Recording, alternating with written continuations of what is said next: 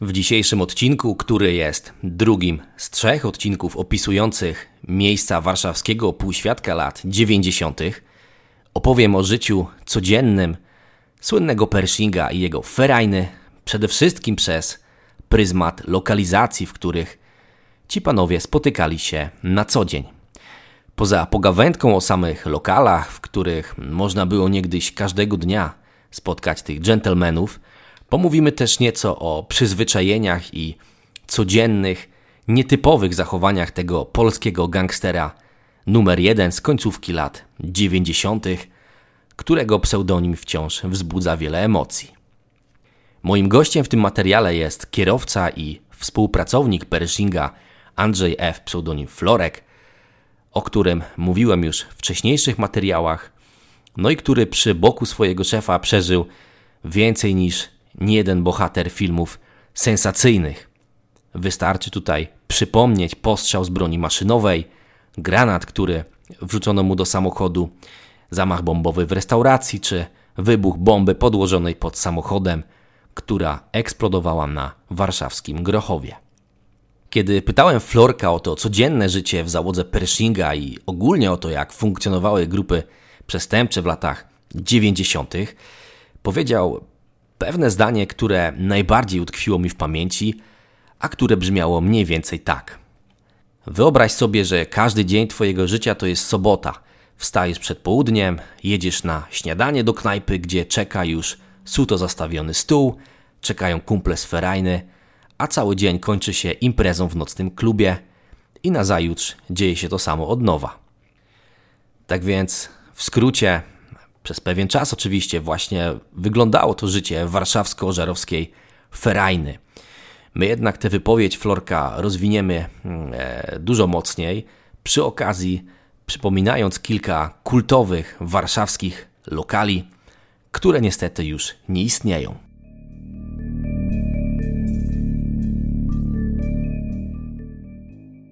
Za punkt początkowy naszej wycieczki śladami Pershinga i załogi obrałem dom, w którym Andrzej Kolikowski mieszkał od lat 80. aż do swojej śmierci w grudniu 1999 roku. Dom znajdujący się w Ożerowie Mazowieckim przy ulicy Witosa 27 swoim rozmiarem nawet dziś robi całkiem spore wrażenie. No i w sumie doskonale wpasowuje się w ten wizerunek mafijnego bossa lat 90. W latach 80., gdy do budynku wprowadzał się Pershing, to wrażenie z pewnością było dużo potężniejsze. Pamiętajmy przecież, że w tamtym czasie panowała w kraju wszechobecna bieda, no a tutaj niepracujący trzydziestokilkuletni facet wchodzi w posiadanie e, willi z basenem i kortem tenisowym. Z pewnością nowy mieszkaniec Ożarowa musiał budzić ciekawość sąsiadów, tym bardziej, że na początku lat 90. w jego posiadłości widywano często Andrzeja Gołotę, wschodzącą gwiazdę polskiego boksu. To właśnie spod tego adresu niemal codziennie swojego szefa odbierał Florek, który zawoził go wszędzie tam, gdzie pan Andrzej sobie zażyczył, czyli zazwyczaj do warszawskiego hotelu Marriott, do GoGo w hotelu Polonia, no i kilku innych miejsc, gdzie pan Pershing załatwiał swoje interesy.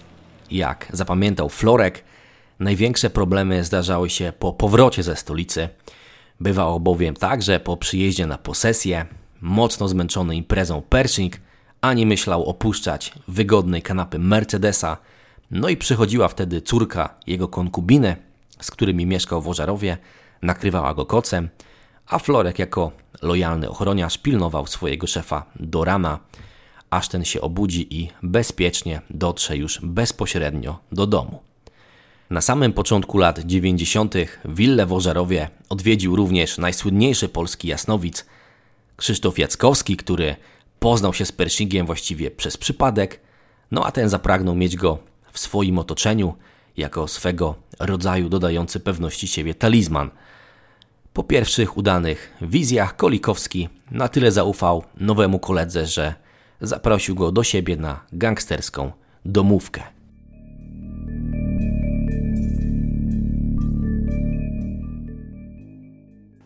Otóż wtedy, jak zrobiłem e, to o tym samochodzie z tym pająkiem, to on powiedział że mnie i tego Marka zaprasza do siebie, do Ożarowa Mazowieckiego, bo wieczorem będzie miał spotkanie, będą jego koledzy, biznesmeni, e, no i może ktoś by chciał się coś mnie zapytać, o co chodzi, i tak dalej. Tak specjalnie nie chciałem iść, ja chciałem wracać do domu, ale ten Marek mnie namówił, mówi idź, mówi poznasz ludzi, to to. Okej. Okay. Pojechaliśmy e, tam wieczorem, pamiętam, były tak, bałem się wejść, bo były takie dwa wielkie wilczury, to było e, w Ożerowie Mazowieckim, mm, ulica Witosa chyba tak się nazywała ta ulica. To taki gierkowski dom. Pamiętam, jak e, były dwa wilczury, nie? No, były dość groźne, bo on je musiał schować, te wilczury, bo warczały ostro. Weszliśmy, pamiętam, taki wielki pokój był, Pamiętam, z boku tego pokoju miał taki mały pokój cały oszklony. Taka szklarnia w tym domu była i tam miał różne rośliny. E, I takie były schody obszerne do góry. No i tam się zeszło, zeszło sporo ludzi. E, różnych. Niektórzy sami, niektórzy z jakimiś paniami przyszli. I był e, człowiek, który przedstawił się jako Słowik. Pan Słowik. Tak. Przyszedł z panią Moniką. E, z panią Moniką, tak. On taki miał taką dystynkcję, on tak wchodził, to tak witam Państwa, taki był grzeczny, taki dostojny w zachowaniu, tak.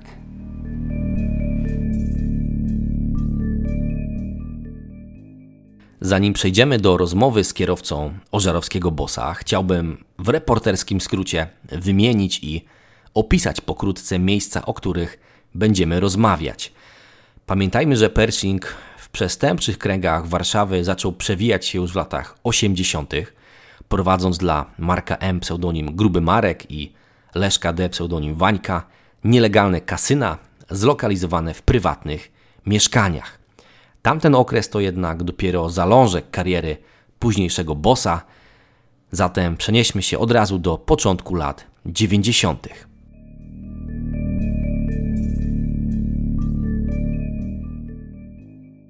Licząca 12 osób, grupa, która zawiązała się wokół Pershinga, każdego dnia około południa spotykała się na tak zwanych śniadaniach.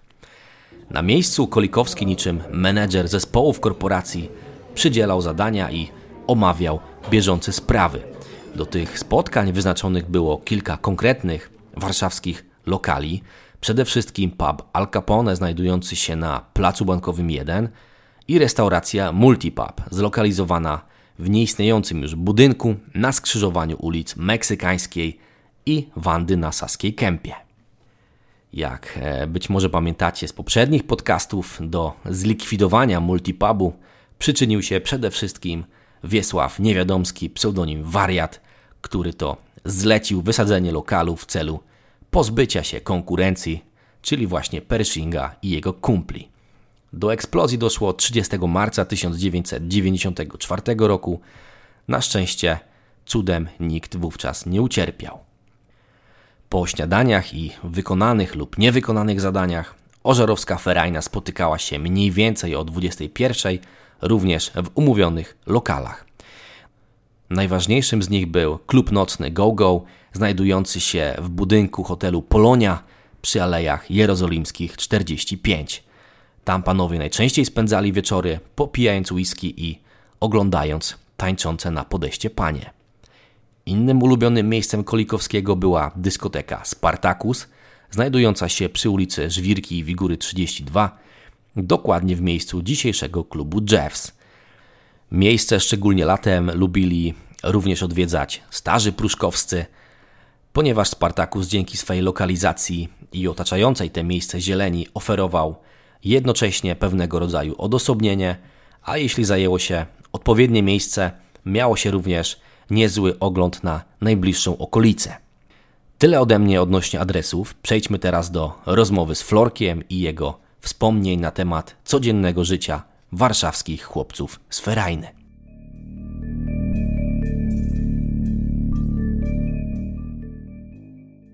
A to ogólnie jak wyglądał taki wasz dzień, jak się spotykaliście tam, powiedzmy, w waszym otoczeniu? Wieczorem jest, wieczorem jest yy, ustalane, że o 12 się spotykamy tam, na przykład w multipubie mhm. na śniadaniu, no i się omawia jakieś tam sprawy, co jest do zrobienia. Generalnie co jest do zrobienia albo do zarobienia i, i się rozchodziliśmy. No. Telefonów nie, nie, nie było wtedy jakby na początku wszyscy nie mieli. No to właśnie od spotkania do spotkania. No i przeważnie y, spotykaliśmy się potem o 21 y, wieczorem w Polonii.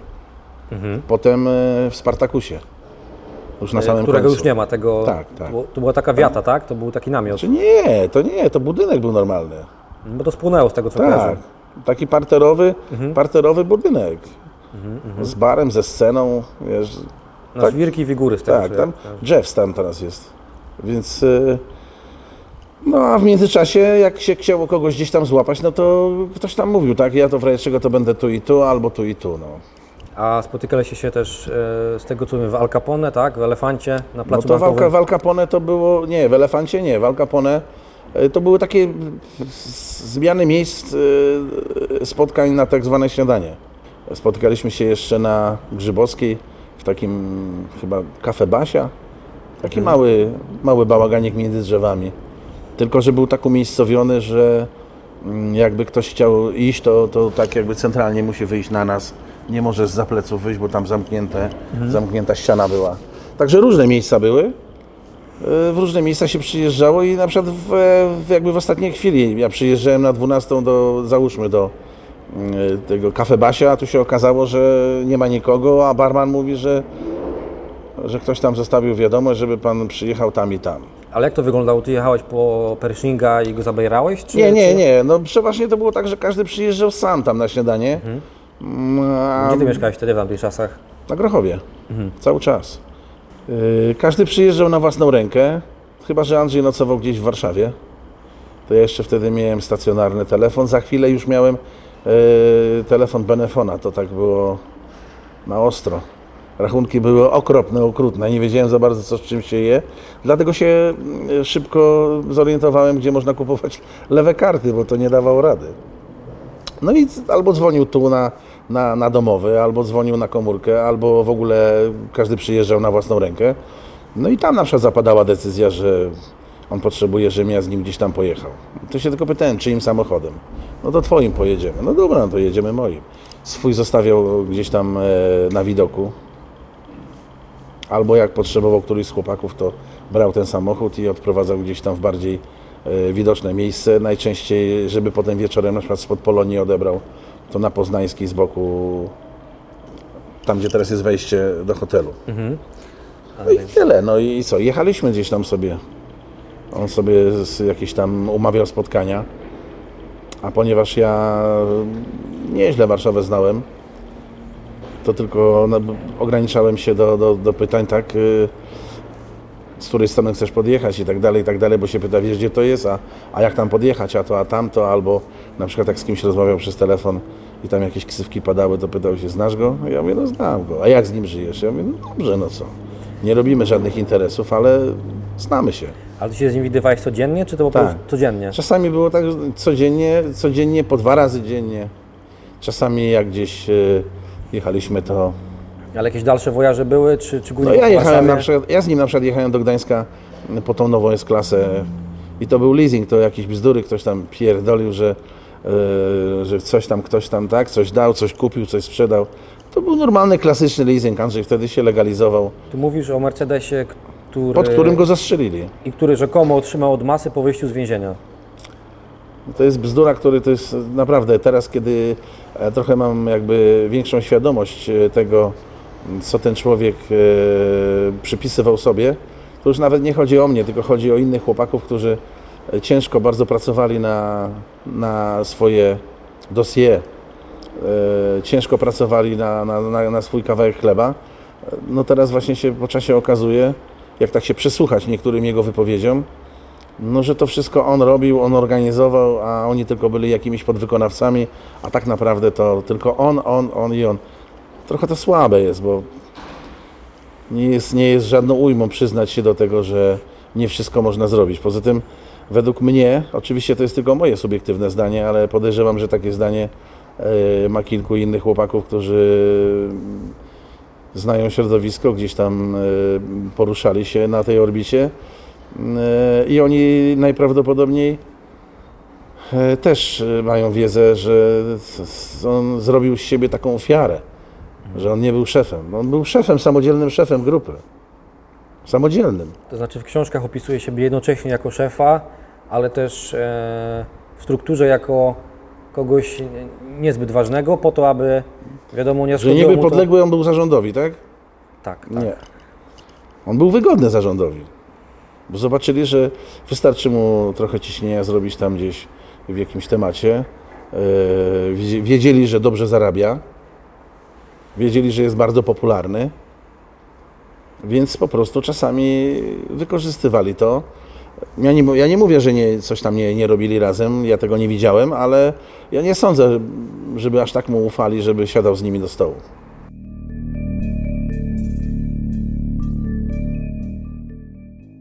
Jest jeszcze jeden kultowy lokal, o którym nie powiedzieliśmy, a który również bardzo mocno kojarzy się z ożarowskim bossem. Chodzi mianowicie o słynną w PRL-u basztę, czyli bardzo charakterystyczną i piękną niegdyś restaurację znajdującą się na skrzyżowaniu ulic Puławskiej i Łagiewnickiej. Lokal, który znajdował się nieopodal toru wyścigów konnych Służewiec, upodobało sobie wielu graczy i hazardzistów, którzy stołując się przed wyścigami wpatrywali się w kuponiki i nerwowo palili papierosy. Andrzej F. wielokrotnie przyjeżdżał do baszty po swojego szefa, ale często zdarzało się, że o umówionej porze Pershing był już w innym miejscu. Ta nieprzewidywalność nawet w kwestii przyzwyczajeń sprawiała, że pseudonim Pershing pasował do niego jeszcze bardziej. To jednak nie jedyne specyficzne zachowanie Pershinga, które zapamiętał jego kierowca.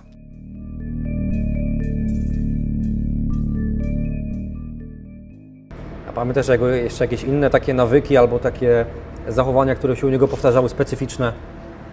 Za każdym razem, jak, jak jeździliśmy do domu, to żeby nie wiem, jak był pijany, to nigdy ja nie wybierałem drogi, tylko zawsze on wybierał drogę. Nawet jak zasnął, to ja go budziłem, żeby powiedział, którędy chce jechać, żeby potem, bo się po prostu obawiałem, żeby potem nie było, że ja wybrałem jakąś drogę, że ja go wystawiłem albo coś się stało. Żeby nie wiem, jak był bardzo pijany, to on musiał zawsze wybrać drogę i jechaliśmy jakimiś tam takimi dołami, bo to nie było dróg takich tych. Albo jechaliśmy normalnie, albo jechaliśmy przez Pruszków, albo przez Konotopę, gdzieś tam przez te krzaki i tak dalej. E, Tak samo jakbym chciał się tutaj odnieść do tego, y, gdzie nie wiem w tej chwili, nie, nie, nie przypomnę sobie kto, ale absolutnie nie zgodzę się z tym, że ktoś mówi, że narkotyki brał czy coś. Nie pozwalał przy stole, jak siedział, nie pozwalał w ogóle przy sobie. Wiedział, że chłopaki biorą, tak? No to, to było modne, że wychodzimy do kibla na chwilę, ale Jak go woziłeś, to siadał z przodu, z tyłu, jak to wyglądało zawsze? Miał różnie, tam- różnie, Jak chciał się przespać, to buty zdejmował, kładł się z tyłu. E, A jak, e, jak mu na przykład kasetę nagrałem w tej, w tej, tej nowej S-klasie, no to siadał z przodu, bo się śmiałem z niego, że mówię, no to chociaż muzyki z bliska posłuchaj i mówię, radio obsługuj, bo przecież potem włączysz, nie, włączysz radio i, i będziesz dzwonił, jak się włącza magnetofon. Tak żar- żartobliwie oczywiście, no ale no żeby jakoś rozluźnić atmosferę. No. Ale tak na co dzień miał poczucie humoru, czy nie lubił za bardzo żartować? Jaki taki był? Ciężko wyczuć, no bo pojawiali się na, e, w ciągu dnia, spotykał różnych ludzi i musiał bardzo szybko zmieniać jakby twarz, tak? Dla niektórych był jak kolega.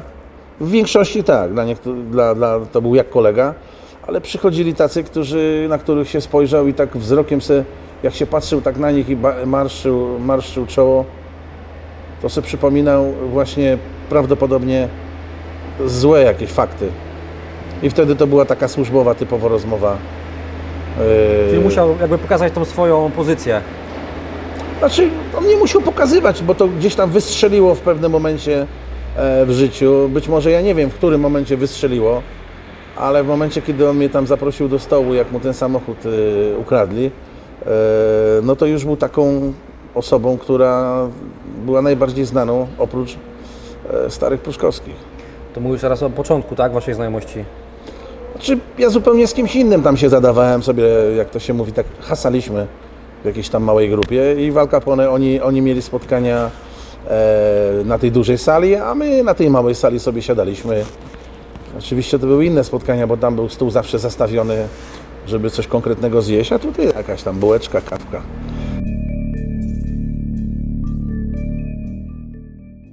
zbliżając się do końca tego odcinka, przypomnę tylko, że wszystkie opisane tu lokalizacje znajdziecie w książce Śladami polskich gangsterów, a rozbudowane opowieści na temat Pershinga w książce Król Życia. Oba tomy dostępne są na stronie mafiashop.pl.